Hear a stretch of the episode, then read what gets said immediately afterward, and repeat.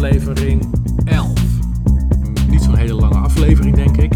Ik wil het met jullie hebben over het uh, begrip wat, wat je geregeld voorbij hoort komen in uh, de money workshops. En ik krijg er ook wel eens over, want ik post er wel eens iets over op Instagram of LinkedIn. En dat is het begrip pay yourself first. Wat betekent pay yourself first? Eigenlijk is het letterlijk de vertaling eerst jezelf betalen. Dus op het moment dat we het hebben over je salaris, laten we voor het gemak zeggen dat je je salaris krijgt, dat komt binnen op je rekening. En wat de meeste mensen vervolgens doen, die gaan uh, kijken, nou wat voor, uh, het komt dus binnen op je, op je, gewoon op je betaalrekening.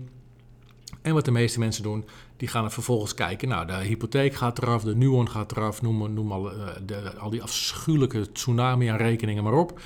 En die gaan ze betalen. En met een beetje geluk hou je dan nog wat, wat over van je salaris. En dat geld gaat naar een spaarrekening. Sommige mensen houden niks over en uh, dat is jammer. En andere mensen die houden een beetje geld over of soms wat meer geld en dat gaat naar een spaarrekening. Nou, wat je op dat moment doet is, is niet pay yourself first. Je betaalt eerst alle anderen die geld van je krijgen. In dit geval de hypotheek, de nieuwe, et cetera. En daarna betaal je jezelf. Bijvoorbeeld in de vorm van een beetje spaargeld. Of uh, uh, sommige mensen geven zichzelf zakgeld of een budget waar ze die maand van moeten doen. En wat blijkt nou uit zo ongeveer alle, alle onderzoeken die er op dat gebied gedaan zijn, op het gebied van money management, is dat op het moment dat je op die manier leeft, heb je altijd minder over aan het einde van de maand. Plus, je hebt ook een lagere inkomsten aan het begin van de maand. En dat is heel geestig, want pay yourself first draait namelijk het principe om. Wat je volgens dat principe doet, is je salaris komt binnen. Je betaalt eerst jezelf. Dus je zegt van, nou, uh, ik wil deze maand, uh, bijvoorbeeld je krijgt 2000 euro uh, salaris. En je zegt, ik wil deze maand um, ehm, 400 euro budget om te kunnen spenderen aan kleding en andere dingen die ik leuk vind. Uitgaan of, of toestanden. En ehm, ik wil ook, zeg maar voor het gemak, 250 euro sparen. Dus dan heb je nog maar 2000 min 650 euro. Heb je nog maar 1350 euro over. Nog maar tussen haakjes, dat is wat je over hebt. 1350 euro. Alright. En dan ga je dus kijken naar de hypotheek, de Nuon, eh, de Sego, eh, KPN, noem ze allemaal maar op. En vervolgens ga je die betalen. Maar wat er heel vaak gebeurt, is dat je naar die rekening kijkt. Dat je denkt, hé, hey, mijn vaste lasten en mijn uitgaven zijn, zeg maar wat, 1500 euro. Maar ik heb eerst mezelf uitbetaald.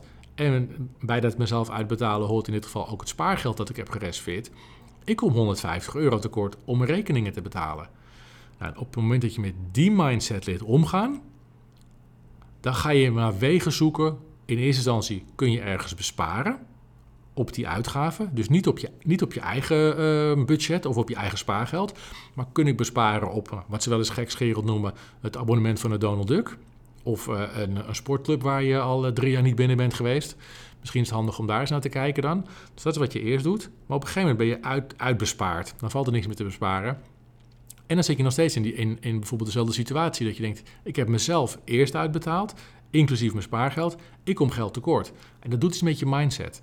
En de enige optie die je dan nog hebt, is ik moet, als ik op deze manier wil blijven leven, moet ik gewoon meer geld verdienen. En het blijkt dat mensen die dus budgetteren via Pay Yourself First, meer geld verdienen.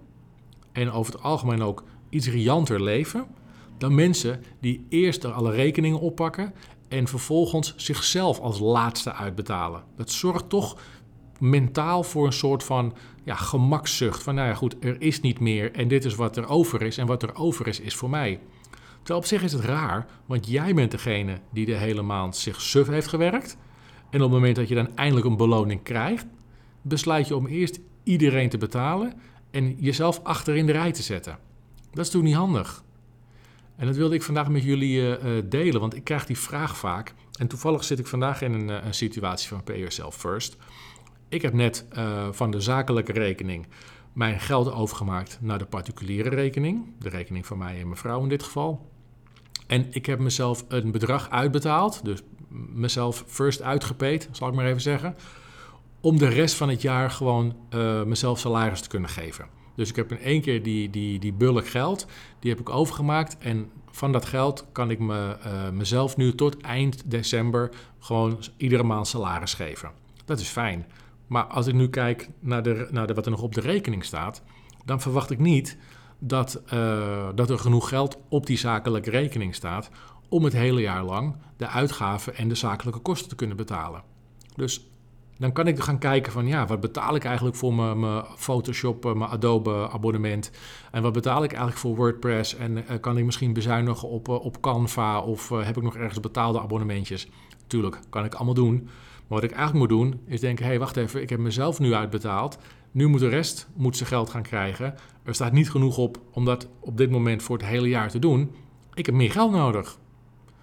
Want ik heb mezelf eerst uitbetaald en dat recht heb ik ook, want ik heb ervoor gewerkt. En nu moet ik gaan werken om de anderen te kunnen betalen. Los van die kleine bezuinigingen die ik misschien nog her en der zou kunnen uh, doorvoeren. Dus dit is eigenlijk het principe in een notendop.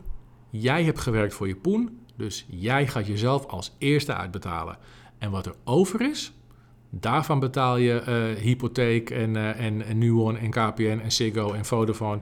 En noem al die jongens maar op. En als je dan te weinig over hebt om hun te betalen, dan heb je twee opties. Of je moet je levensstijl aanpassen, of je moet zorgen dat je meer geld verdient. En met het meer geld verdienen gaan we een andere keer over hebben. Jullie weten hoe ik altijd denk over side hustles. Je tijd tussen 7 uur s avonds en 9 uur s avonds een paar keer per week proberen om te zetten in euro's. Dat is op, op jaarbasis weet je niet wat je meemaakt. Dat is echt een wereld van verschil. Daar gaan we het een andere keer over hebben. Vandaag wilde ik gewoon een korte podcast opnemen voor jullie. Even ter inspiratie. Eventjes weer een kleine reminder, helemaal in deze coronatijd. Je werkt je helemaal de blubber. Het is niet super gezellig om je heen. De omgeving en, eh, en de mensen zijn toch eventjes, ja... We zijn niet allemaal meer zo happy meer als, uh, laten we zeggen, uh, een maandje of vier geleden. De, de meeste mensen hebben toch al wat problemen aan hun hoofd gekregen. Ik ook. En eigenlijk zo'n beetje iedereen die we kennen. Sommigen doen het alsof alles goed blijft gaan, maar daar mogen we gerust een klein beetje aan twijfelen. Dus ik had zoiets van jongens, ik wil jullie in, uh, in ieder geval meegeven. Jullie werken hard. Pak desnoods eens een keer je laptop of je iPad of je, of je telefoon erbij en zoek eens op Pay Yourself First.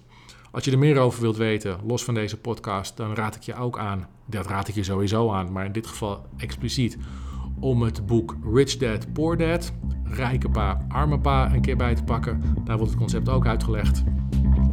Doe je ding, maak er een mooie dag van en tot de volgende aflevering. Hoi hoi!